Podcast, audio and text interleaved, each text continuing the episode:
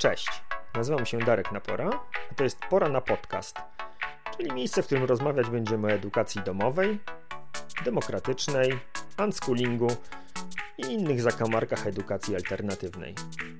W dzisiejszym odcinku Pora na Podcast zapraszam na opowieść o tym, jak edukacja domowa zrujnowała nasze życie seksualne. Będę opowiadał o wyzwaniach, z jakimi mierzą się rodzice w edukacji domowej w obszarze relacji romantycznych, o tym, jak czasami się nie chce, jak nie ma się siły, ale też o namiętności, intymności i zaangażowaniu oraz o tym, jak przywrócić ogień w sypialni no, lub jakimś innym miejscu, które wybierzecie. Zapraszam.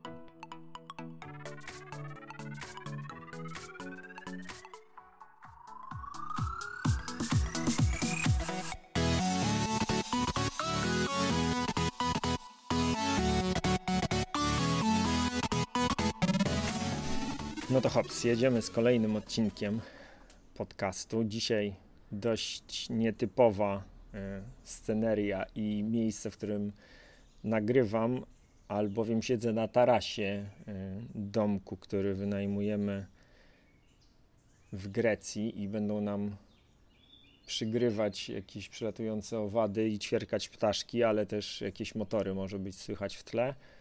Jakoś tak się dziwnie w ogóle tutaj czuję to nagrywając, jakby Hmm, nie wiem, nie na miejscu. Z, z, zwykle nagrywałem e, w jakichś pomieszczeniach, a teraz jakoś tak dziwnie, więc jak y, będzie dziwnie słychać, to dlatego, bo się dziwnie czuję.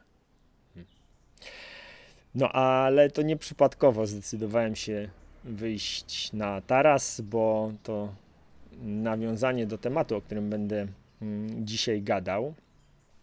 No bo jest tak, że rodziny z dziećmi w edukacji domowej uwielbiają się zachwycać i opowiadać o tym, jak zajebiste jest e, życie bez szkoły. Na przykład podróże o dowolnej porze roku w jakieś przyjemne miejsca, kiedy to w Polsce jest szaro, buro i ponuro i ciemno i nie chce się żyć, a oni sobie podróżują po ciepłych, słonecznych miejscach, gdzie można się o tej porze roku kąpać tak jak my na przykład podczas naszej kilkumiesięcznej tymczasowej emigracji tutaj e, na Pelopones.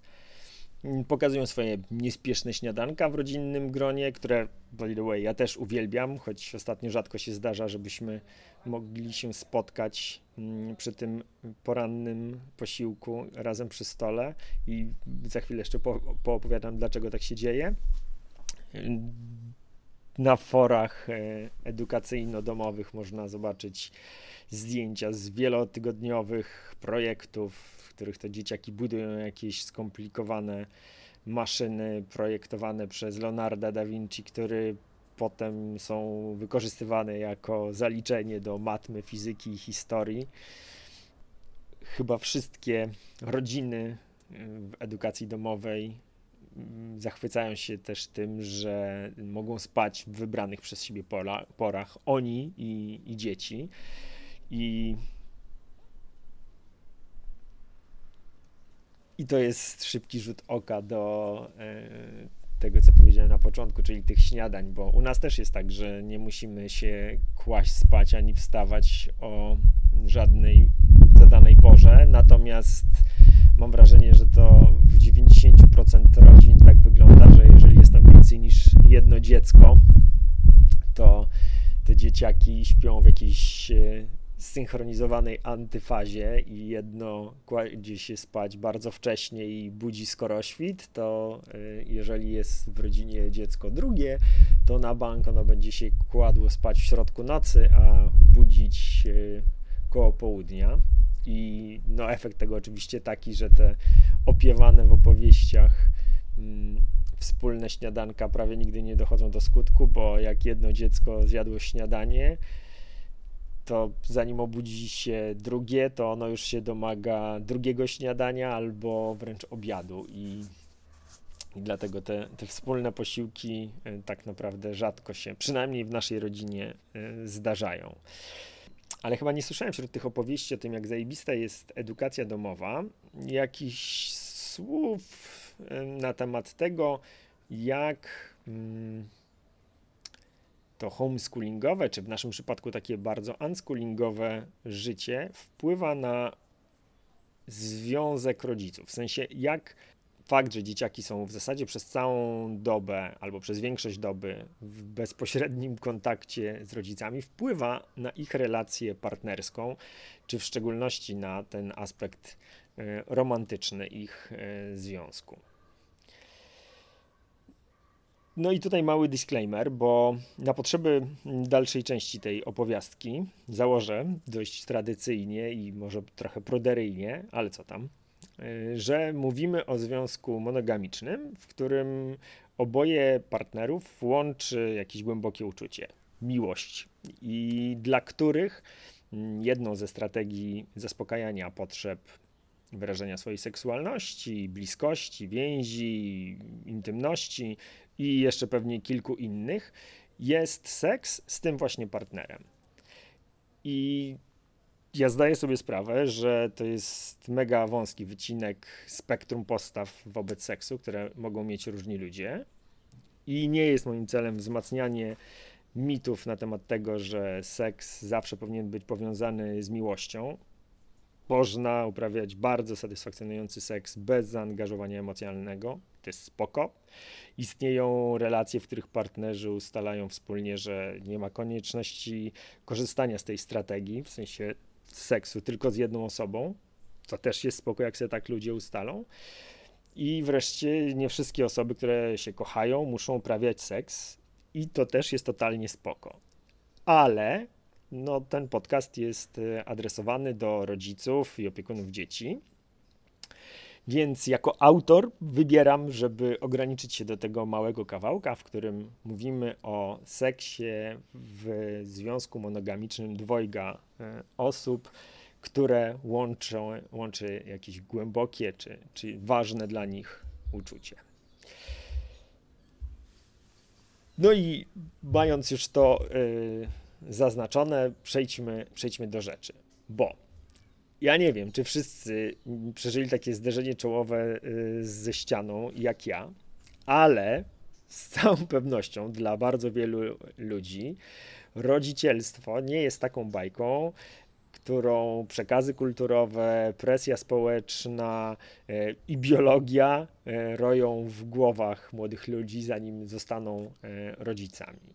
No, tylko że w Stanach Zjednoczonych to jest 95% osób, które twierdzą, że chciałoby mieć dzieci. W Unii Europejskiej 93% facetów i 95% kobiet twierdzi podobnie. Więc jest tak, że y, przekonanie o tym, że rodzicielstwo jest fajne i będzie pan zadowolony, jest szalenie powszechne.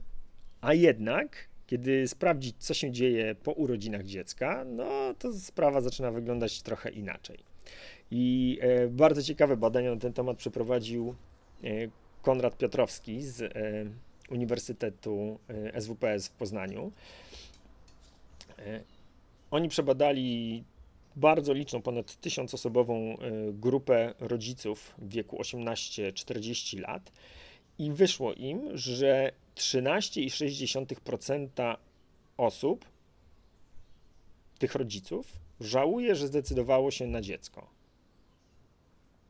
Nie? To oznacza, że jeden na ośmiu aktywnych rodziców, no bo mówimy o osobach w wieku 18-40 lat, czyli to są rodzice, którzy w tej chwili opiekują się swoimi dziećmi, uważa, że to jest rola nie dla nich i gdyby mogli wybrać podobnie, to nie zdecydowaliby się na dziecko. No i to jest mega, mega ciekawy temat na bardzo wielu poziomach. No, chociażby taka polityka, która jest obecna teraz w wielu krajach Unii Europejskiej o zwiększaniu dzietności wśród y, rodziców, co oczywiście ma na celu zadbanie o y, zwiększenie przyrostu demograficznego, który w Polsce jest ujemny i politycy się lękają, że lada dzień się im y, domek z kart, między innymi w postaci Zakładu Ubezpieczeń Społecznych posypie. No tylko pytanie, czy rzeczywiście y, te zabiegi, które mają na celu zwiększenie dzietności wśród młodych ludzi, to jest y,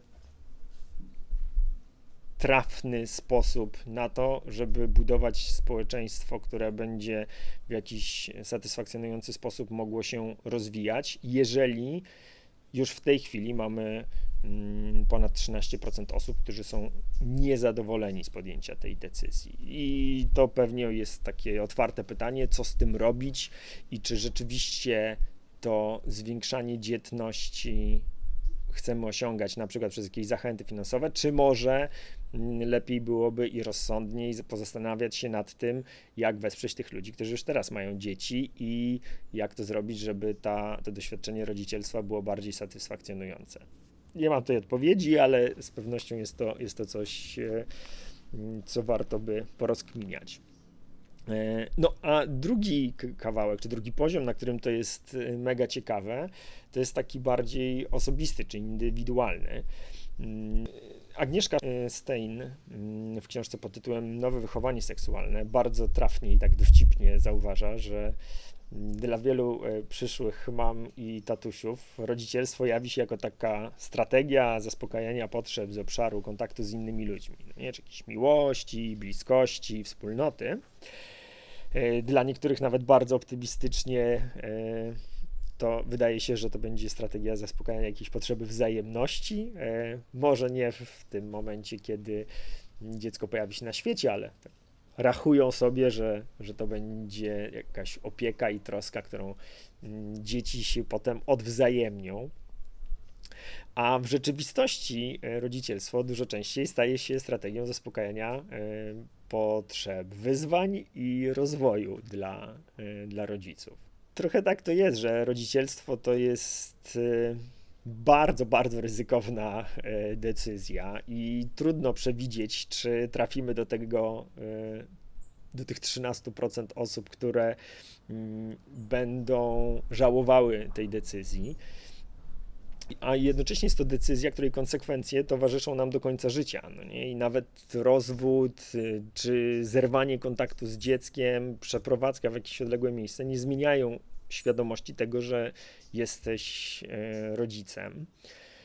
No i y, to jest tym trudniejsze, że o tym, jak to jest i czy ja będę zadowolony z tego, że zdecydowałem w ten sposób i że zostałem rodzicem, można się przekonać dopiero po urodzeniu dziecka. I to jest e, doświadczenie, które było na maksa moim udziałem, bo ja, ja miałem pewność, no po prostu byłem przekonany, że będę zajebistym tatą, że co jak co, ale ja to się będę odnajdował w tej roli turbo. No wiecie, 20 lat zajmuję się y, zawodowo opieką nad dziećmi.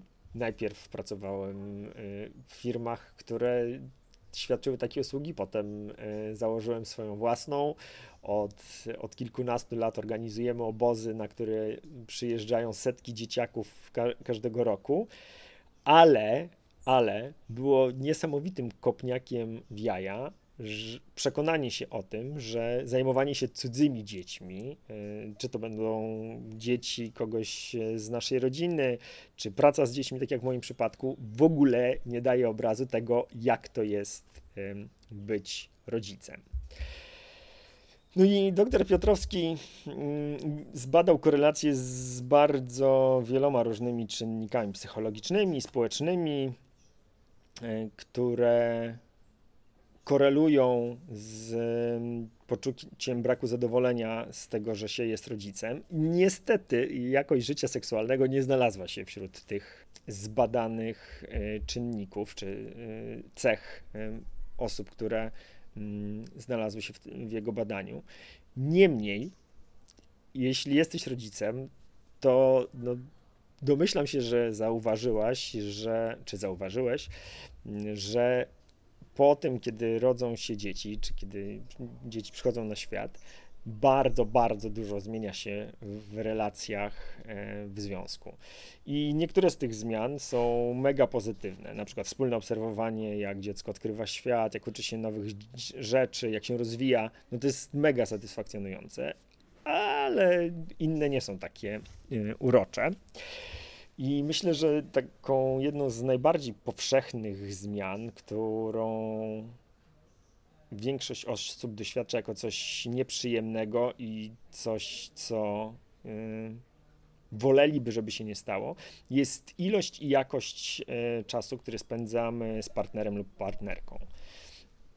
No i tutaj już niemal przysłowiowym e, przykładem tego, e, co się dzieje po rodzinach dziecka, jest 20-minutowy serial i pójście spać zamiast wieczornych rozmów przy świecach, wyjść do restauracji, wizytu znajomych.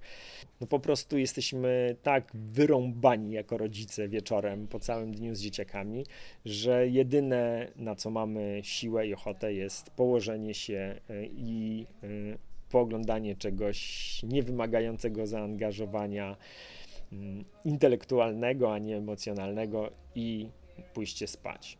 No i oczywiście y, jedną z tych y, zmian, które większość, y, które wiele osób odbiera jako niekorzystne, są mm, zmiany w obszarze mm, życia seksualnego.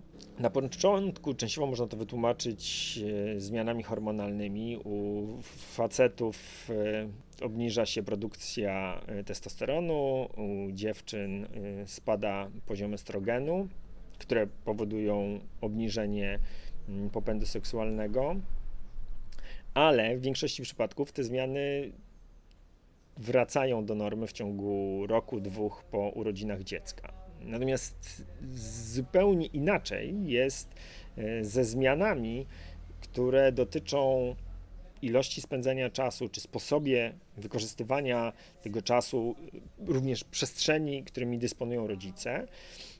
No i oczywiście bardzo, bardzo wiele zmienia się na poziomie e, emocji, które pojawiają się między mm, rodzicami i e, w relacjach z innymi osobami, z którymi rodzice pozostają w kontakcie. I w tych obszarach zmiany mogą być mega długotrwałe, a w przypadku rodzin z dziećmi w edukacji domowej to są zmiany, które potrafią trwać kilkanaście lat, a czasami ponad 20 lat. No i tutaj bardzo różnie to może oczywiście wyglądać w różnych e, rodzinach i niektórzy odbierają to w ten sposób, że rodzicielstwo to jest taka trochę seria kłód rzucanych pod nogi e, romantycznych relacji w ich e, związku. Natomiast mam takie wrażenie, że edukacja domowa, szczególnie taka unschoolingowa, w której dzieci mają ogrom wolności i, i takiej samosterowności, też wpływu na to, co dzieje się wokół nich, no to może być normalnie y, żelazny pas cnoty. Ja absolutnie szczerze przyznaję, że bywały takie dni, że po kilkunastu godzinach spędzonych y, z dziećmi i towarzyszeniu im, pomaganiu im, wspieraniu, czasami pokazywaniu, jak y, rzeczy działają lub nie działają, jedyne na co miałem siłę i ochotę wieczorem było zamknięcie się w łazience w wannie ciepłej wody z przygaszonym światłem i nie chciałem, żeby ktokolwiek ze mną rozmawiał, dotykał mnie, a nawet patrzył na mnie, jakby czegoś ode mnie chciał, a już z całą pewnością nie miałem ochoty na uważne obserwowanie potrzeb mojej małżonki, jakieś filuterne pogawędki i w szczególności dzikie harce e, w sypialni.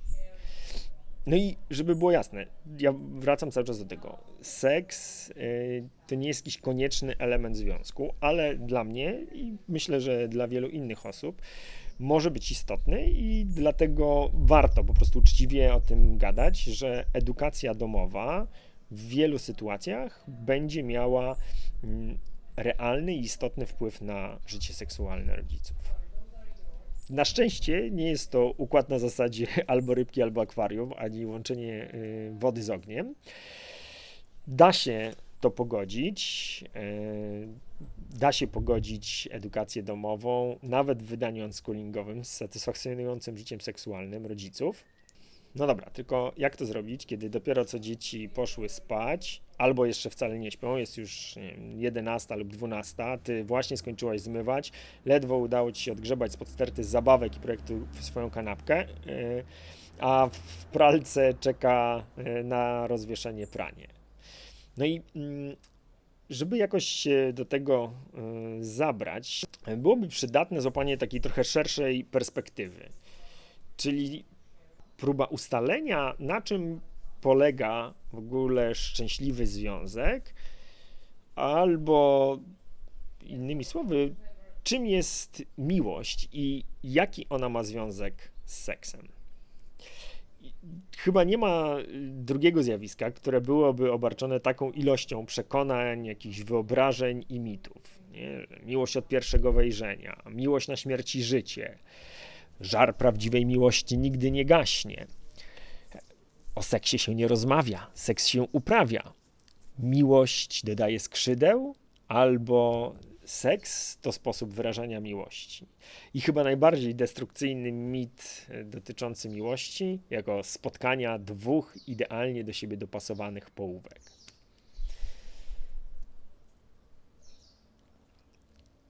No, miłość wydaje się czymś takim trochę nieuchwytnym i metafizycznym jakimś zjawiskiem, które bardziej przynależy nie do świata kultury i, i sztuki, no nie? Że, że to jest coś wyjątkowego, że każda miłość jest inna i w związku z tym nie da się o niej rozmawiać w taki merytoryczny, czy chciałbyś nawet powiedzieć naukowy sposób. No ale yy, na szczęście ten mit miłości jako czegoś szalenie nieuchwytnego i nieopisywalnego został już e, jakiś czas temu obalony. I my spróbujemy sobie poradzić tutaj z czymś trochę bardziej przyziemnym, takim prawie że prozaicznym. Nasz związek jakoś w tej chwili wygląda. Każdy z Was jest na jakimś etapie e, swojego związku. Kiedyś prawdopodobnie wyglądał inaczej i w przyszłości też będzie wyglądał inaczej. Inaczej się zachowujemy, inaczej się w nim czujemy i mogą się jakieś zacząć pojawiać pytania, czy to, że to się zmienia, że wraz z czasem te relacje wyglądają inaczej, to jest coś, co jest. I teraz bardzo nie lubię tego słowa, ale użyję go w cudzysłowie. Nie widzicie mnie, więc y, tych y, zajączych uszek y, nie zauważycie, ale czy to jest coś normalnego? No i tutaj właśnie przychodzą nam z pomocą naukowcy, a w szczególności amerykański psycholog Robert Sandberg, e, który obserwował bardzo, bardzo wiele e, e, par w latach 80. i zaproponował taką trójczynnikową koncepcję miłości. Jego pracę kontynuuje m.in. Polak, pan profesor Bogdan Wojciszkę, i z ich badań wynika, że znakomita większość, o ile nie wszystkie związki, w miarę upływu czasu zmieniają swoją dynamikę, a zmiany te można opisać z pewną dozą ogólności na trzech skalach.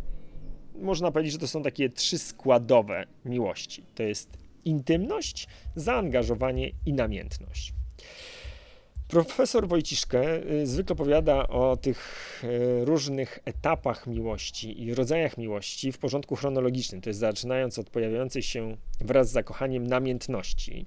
No ale rodzice, dzieci w edukacji domowej, mamy najprawdopodobniej ten etap już za sobą. Motylki w brzuchu, ekscytacja i zalewające mózg dopamina, adrenalina i fenyloetolamina czyli tak zwany hormon zakochania, które sprawiają, że mamy nieustanną chęć kontaktu z obiektem naszych, naszych uczuć. To faza namiętności, która pojawia się e, na początku e, związku. Towarzyszy jej takie silne pragnienie erotyczne. E, łóżka się łamią, wydajemy fortunę na środki antykoncepcyjne, a nasze genitalia zdają się nie mieć fizycznych ograniczeń. No, tylko namiętność jest doświadczeniem jednorazowym, dość krótkotrwałym. Przeciętnie trwa od kilku miesięcy do y, dwóch lat i mija bezpowrotnie. Jednocześnie wraz z obniżeniem poziomu namiętności, czyli tego początkowego etapu związku, nie znika potrzeba wyrażania swojej seksualności i innych potrzeb, które przy pomocy seksu możemy sobie y, zaspokajać. No i co zatem zrobić, żeby mieć dostęp do tej strategii pomimo obniżenia poziomu namiętności w związku? No, na szczęście mamy jeszcze dwa inne składniki miłości, które poddają się w pewnej mierze kontroli, bo jeżeli chodzi o namiętność, to ona niestety jest w dużej mierze od nas niezależna i pojawia się i znika, czy nam się to podoba, czy nie.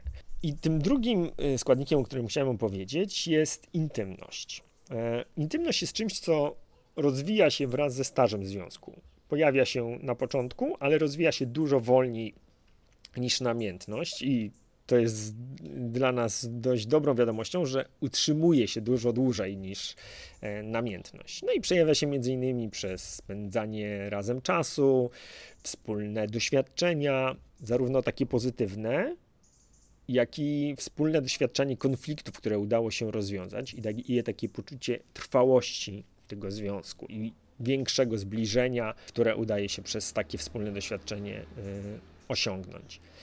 Y, wzajemne zrozumienie i zainteresowanie perspektywą drugiej osoby, ale także przez troskę, dotyk, no i sposób komunikacji. Intymność jest y, tym elementem miłości, który daje poczucie bezpieczeństwa, stabilności, przewidywalności i zaufania.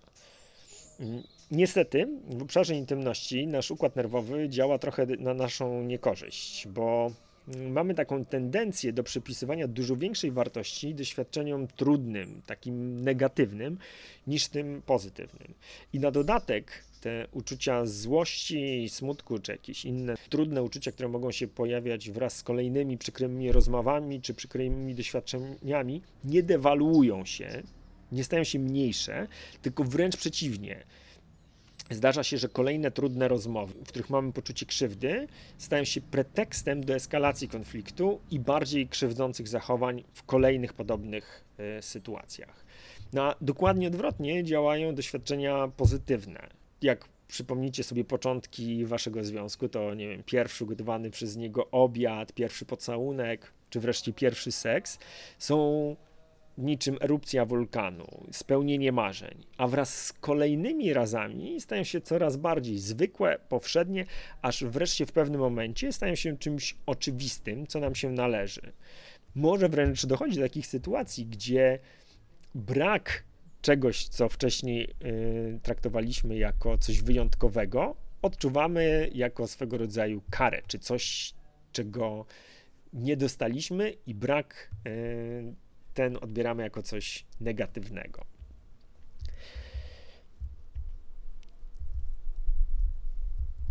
Związek, który zawiera te dwa elementy, czyli namiętność i intymność, e, przez profesora Wojciszkę nazywany jest miłością romantyczną.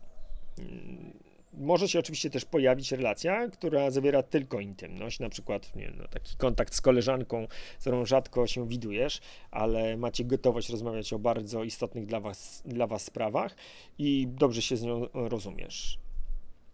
No z tym, że to nie mówimy tutaj wtedy o, o, relacji, która łączyłaby dwoje rodziców, tylko raczej jest to coś, co w którymś momencie może przerodzić się w przyjaźń, czyli takie bliskie, bliskie koleżeństwo. Intymność e, po pewnym czasie, podobnie jak namiętność, wygasa, ale w przeciwieństwie do namiętności, jeżeli chodzi o intymność, mamy spory wpływ na to, jak długi to będzie proces, i możemy wspierać intymność przez coś, co nie, popularnie nazywa się takim nastawieniem na rozwój. No, na przykład rozwój osobisty partnerów, który sprawia, że pozostają dla siebie interesujący, zaskakujący, być może nawet fascynujący, przez to, że cały czas się zmieniają. E, innym obszarem, który znakomicie wpływa na podtrzymywanie e, tego poziomu intymności w związku jest rozwijanie kompetencji w obszarze komunikacji. Mówi się, że komunikacja jest w ogóle jednym z filarów e, tworzenia satysfakcjonujących związków. I ja się tutaj bardzo zgadzam, bo dzięki nowym narzędziom zyskujemy dostęp do lepszego, bardziej efektywnego i głębszego zrozumienia samego siebie i naszego partnera lub partnerki. E, rozwój może wreszcie dotyczyć e, tego tematu, który dzisiaj nas tutaj sprowadził, czyli sfery seksualnej. E, profesor Wojciszkę twierdzi nawet, że jednym z podstawowych narzędzi służących do podtrzymywania intymności, a zatem tej satysfakcji, którą czerpiemy mm, ze związku, jest pojawiające się w relacji uczucie ekscytacji. Więc podtrzymywanie tego napięcia pozwala nam e, lepiej dbać o siebie w związku. No i to prowadzi nas do ostatniego, trzeciego składnika miłości, czy elementu miłości, którym jest zaangażowanie. I to jest taki składnik, który rośnie najwolniej, ale również utrzymuje się najdłużej. Jego kluczowym elementem jest podjęcie decyzji o byciu w związku i chęć utrzymania go w przyszłości. Czyli to jest takie celowe działanie, w którym dążymy do budowania wspólnoty. Wychodzimy ponad relacje oparte na wzajemności, na zasadzie ja zrobię coś dla ciebie, a ty coś dla mnie, albo żeby to tak bardziej po ludzku nazwać, ja zapakowałem zmywarkę, więc ty teraz rozwieź pranie i przechodzimy do relacji opartych na wspólnocie. To jest relacji, w których podejmujemy wysiłek dbania o naszą relację bezinteresownie, bez oczekiwania, że partner się nam będzie odwdzięczał czymś o, o równej wartości. No i wyrazem takiego y, zaangażowania w związek y,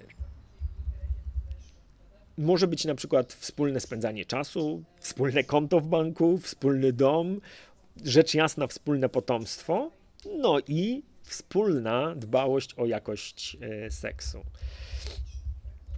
Miłość, która zawiera te wszystkie trzy składowe, na satysfakcjonującym dla partnerów poziomie nazywana jest przez profesora Wojciszkę miłością kompletną. Nie pojawiają się już takie erupcje uczuć e, jak na początku związku, ale namiętność jest wciąż żywa, obecna jest w związku intymność, dochodzi do tego zaangażowanie, czyli jasna decyzja o planowaniu wspólnej przyszłości Przykrą wiadomością jest to, że to właśnie na tym etapie rozpoczyna się dość szybki spadek namiętności.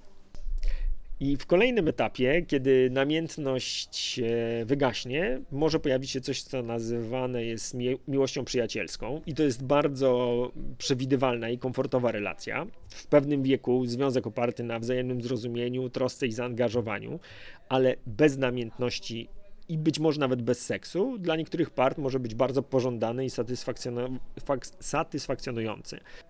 No, w gorszym scenariuszu poziom intymności może opaść do tak niskiego poziomu, że jedyne co nam pozostaje to y, te wspólne y, zobowiązania, bo zdarza się, że już to nawet nie są wzajemne zobowiązania, tylko coś, do czego żeśmy się wspólnie y, zobowiązali.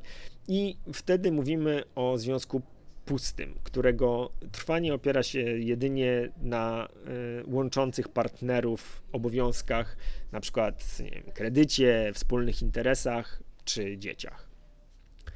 No i w takim scenariuszu, bez zaangażowania obu stron w odbudowanie intymności, taki związek zazwyczaj rozpada się wraz z obniżeniem poziomu strat wynikających z podrzucenia tych zobowiązań do akceptowalnego dla którejś ze stron poziomu. No i on wtedy mówi: bye, fajnego życia, ja się żegnam.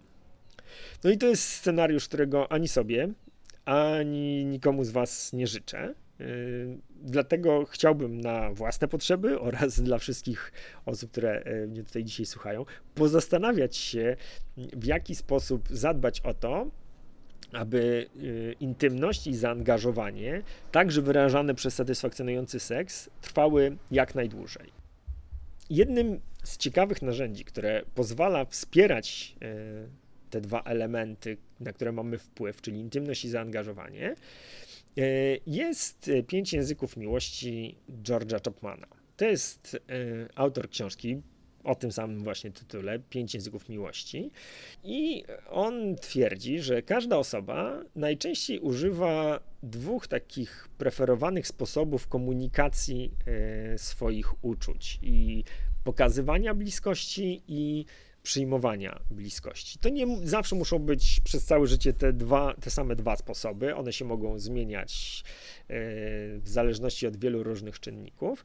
I on twierdzi, i ja przychylam się do tej tezy, że świadomość tego, jakie są moje preferencje w tym obszarze oraz jakie są preferencje partnera czy partnerki, może zbawiennie wpływać na to, żeby intymność i zaangażowanie w jakość naszych relacji były na satysfakcjonującym e, dla osób w związku poziomie. Może na początek powiem, co Chapman ma na myśli, mówiąc o tych językach miłości, a potem opowiem o nich e, troszkę bardziej e, szczegółowo. Więc te pięć języków to kontakt fizyczny, słowa, czas, przysługi i podarunki. No to zacznijmy od kontaktu fizycznego. To jest, wydaje się, dość oczywiste. Y, dotykanie, przytulanie, pocałunki. No, no to jest mega intuicyjny sposób wyrażania tego, że darzymy kogoś y, uczuciem. I tego sposobu doświadczania i wyrażania uczuć y, uczymy się już w dzieciństwie, w kontakcie fizycznym z naszymi opiekunami. I przy okazji wyrażając w ten sposób uczucia, modelujemy też dla naszych dzieci sposób e, wyrażania, mm, wyrażania uczuć. Ale tutaj warto pamiętać, że z kontaktem fizycznym wiążą się pewne ograniczenia. Ja wspomniałem wcześniej o tych dniach, kiedy najchętniej zaszyłbym się w dźwiękoszczelnej łazience z zakazem wstępu dla kogokolwiek bo po prostu kontakt z dziećmi może być mega, mega obfity w taki kontakt fizyczny i w, pewnych sytuacjach rodzice mogą mieć po prostu przesyt takiego kontaktu fizycznego. Dlatego przed każdym przytulaniem, głaskaniem, całowaniem, czy w szczególności przed jakimiś uszczypnięciami czy klapsami, mm, należy zapytać o zgodę. I w naszej rodzinie praktykujemy takie rozwiązanie, że osoba, która ma ochotę na kontakt fizyczny, jest odpowiedzialna za sprawdzenie, czy ta druga osoba ma na to ochotę. I dopiero po, dopiero po uzyskaniu aktywnej, entuzjastycznej zgody, czyli to się w literaturze mm, popularnie nazywa po uzyskaniu konsentu, e, może ten kontakt fizyczny nawiązać. I ja wiem, że to może tak brzmieć dziwacznie, w sensie co, no pytasz się, czy możesz się przytulić do swojego dziecka, czy do swojej żony? No dokładnie tak. E, no, w praktyce wygląda to po prostu w ten sposób, że jak mam ochotę się do kogoś przytulić, to z otwartymi ramionami przychodzę i pytam przytulaska albo buziaczka i absolutnie spoko i dość często zdarza się to, że któraś z osób mówi, że, że nie, że nie ma na to ochoty. I to jest mega wartościowe doświadczenie, zarówno dla e, partnerów, którzy po prostu mają możliwość zadbania o swoje potrzeby i mm, unika się w ten sposób sytuacji, w których e, partner lub partnerka robi coś, na co do końca nie ma e, ochoty. A po drugie, modelujemy też dla swoich dzieci takie postawy, które pomagają im w późniejszym życiu dbać o samych siebie. To znaczy, oni dostają naocznie przykład tego, w jaki sposób pokazuje się, że ma się na coś ochotę i w jaki sposób pyta się o zgodę na to, czy jakaś inna osoba ma ochotę e, na kontakt. Co jest bezcennym doświadczeniem w dbałości o to, żeby granice osób nie były przekraczane. Zarówno granice naszych dzieci, jak i e, granice osób, z którymi nasze dzieci będą kiedyś e, w kontakcie. Jeśli ktoś nie do końca czuje klimat e, tego, o co chodzi w wyrażaniu zgody, to bardzo polecam książeczkę Rachel Bryan pod tytułem Zgadzam się albo i nie. Wspaniała mm, książeczka, raczej skierowana dla dzieci, ale myślę, że wielu dorosłych może wyciągnąć z niej dla siebie e, wartościowe informacje. Drugim językiem miłości opisanym przez Chapmana jest, są słowa. Do tego języka można zaliczyć rozmowy, komplementy, wiadomości. No, moja żonka na przykład jest miłośniczką żółtych karteczek post-it, które zostawia mi w różnych nieoczekiwanych miejscach z krótką notatką lub narysowanym jakimś e, serduszkiem trzeci język, czyli y, wspólnie spędzany z bliską osobą czas. I tutaj ciekawe jest to, że niewielkie znaczenie ma to, co robimy, czyli jaką podejmujemy wspólnie aktywność, a istotna jest sama obecność i to, że poświęcamy tej drugiej osobie swój czas. I dla wielu osób jest to w pełni zrozumiałe, dlaczego to tak cenny, y, cenny dar, no bo znalezienie czasu y, w tym zapełnionym kalendarzu y, czasami bywa naprawdę wielkim wyzwaniem.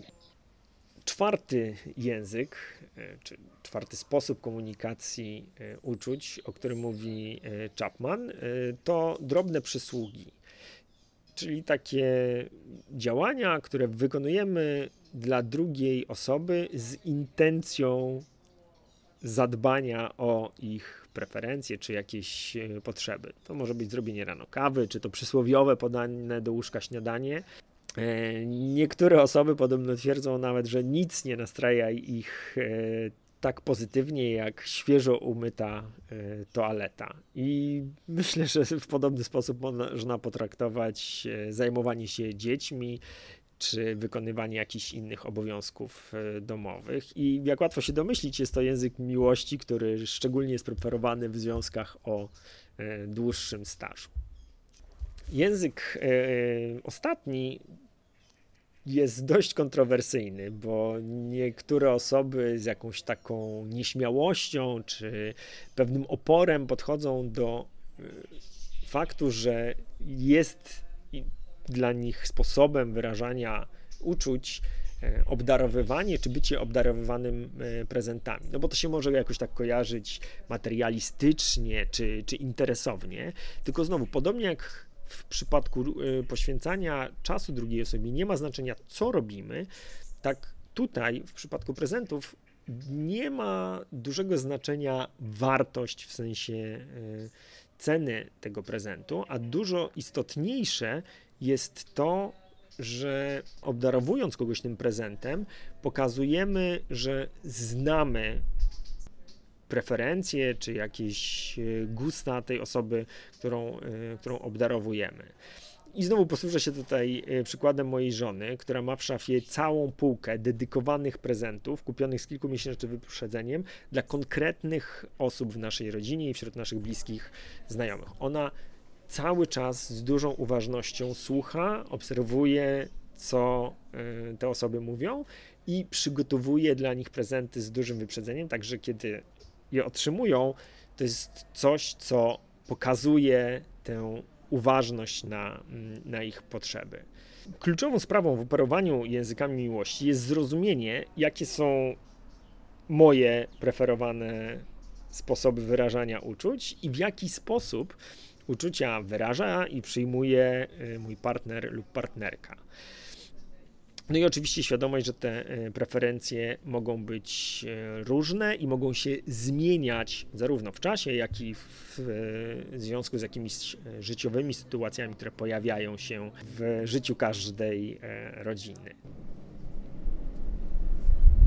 Mam nadzieję, że ta Mm, pogawędka o jakości relacji w związku pozwoli ci spojrzeć na wyzwania, z którymi się mierzysz e, z nieco innej perspektywy. I mam takie przekonanie, poparte zresztą e, opiniami wielu seksuologów, że jakość seksu w związku bardzo zależy od jakości relacji między partnerami oraz od jakości relacji, które partnerzy tworzą z osobami w swoim otoczeniu, także dziećmi, rodziną i bliskimi. Wśród, seksu... Wśród seksuologów krąży takie popularne powiedzonko, że gra wstępna powinna trwać przynajmniej kilka godzin, a tak naprawdę seks zaczyna się na mniej więcej dobę przed zbliżeniem. A o tym, jak spędzić tę dobę, żeby unschoolingowy rodzicielski seks był satysfakcjonującym doświadczeniem, opowiem w kolejnym odcinku Pora na podcast. Zapraszam. A, by the way, musiałem dograć ten ostatni kawałek wewnątrz, bo zerwał się taki wicher, że y, trzaskało i chrzęściło. Do zobaczenia.